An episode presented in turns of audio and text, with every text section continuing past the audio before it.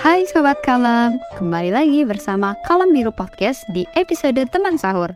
It's me, Hamima Martabatul Ulia, bakal nemenin sahur kalian dengan cerita tentang peristiwa-peristiwa penting di bulan Ramadan.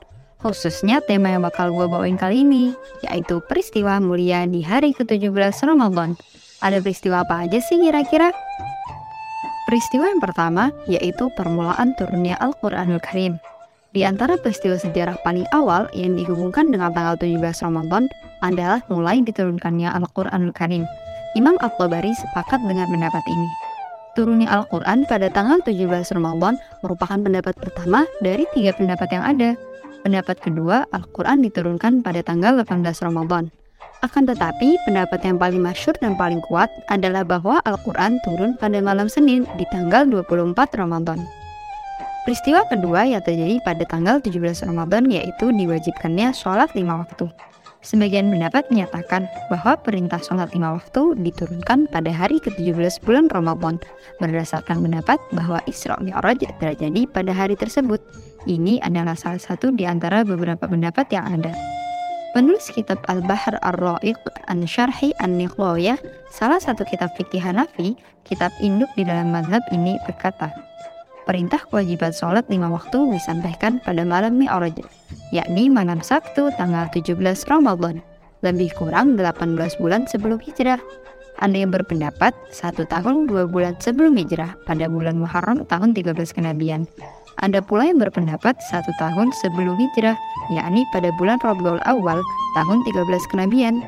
Semua pendapat itu keliru karena peristiwa Isra Mi'raj terjadi pada bulan Rajab dan bukan Ramadan. Wallahu a'lam. Setelah itu, pada tanggal 17 Ramadan tahun 2 Hijriah, bertepatan dengan 13 Maret 623 Masehi, Sayyidah Ruqayyah radhiyallahu anha binti Rasulullah sallallahu alaihi wasallam meninggal dunia. Peristiwa di tanggal 17 Ramadan yang menyisakan duka mendalam selanjutnya yaitu wafatnya Amirul Mukminin Sayyidina Ali bin Abi Thalib karramallahu wajhah. Bertepatan dengan 24 Januari 660 Masehi, ketika Sayyidina Ali menjadi imam sholat subuh, beliau ditikam dari belakang oleh seorang khawarij bernama Abdurrahman bin Muljam al-Humairi. Last but not least, ada proklamasi kemerdekaan Indonesia. Proklamasi kemerdekaan Indonesia terjadi pada tanggal 17 Ramadan 1362 Hijriah, bertepatan dengan 17 Agustus 1945. Jumat Legi, 17 Agustus 1945, pagi hari jam 10 waktu Indonesia Barat di rumah kediaman Bung Karno, Jalan Proklamasi nomor 56 Jakarta yang kini menjadi Gedung Pegangsaan Timur, diproklamirkan kemerdekaan Indonesia yang ditandatangani oleh Soekarno-Hatta atas nama bangsa Indonesia.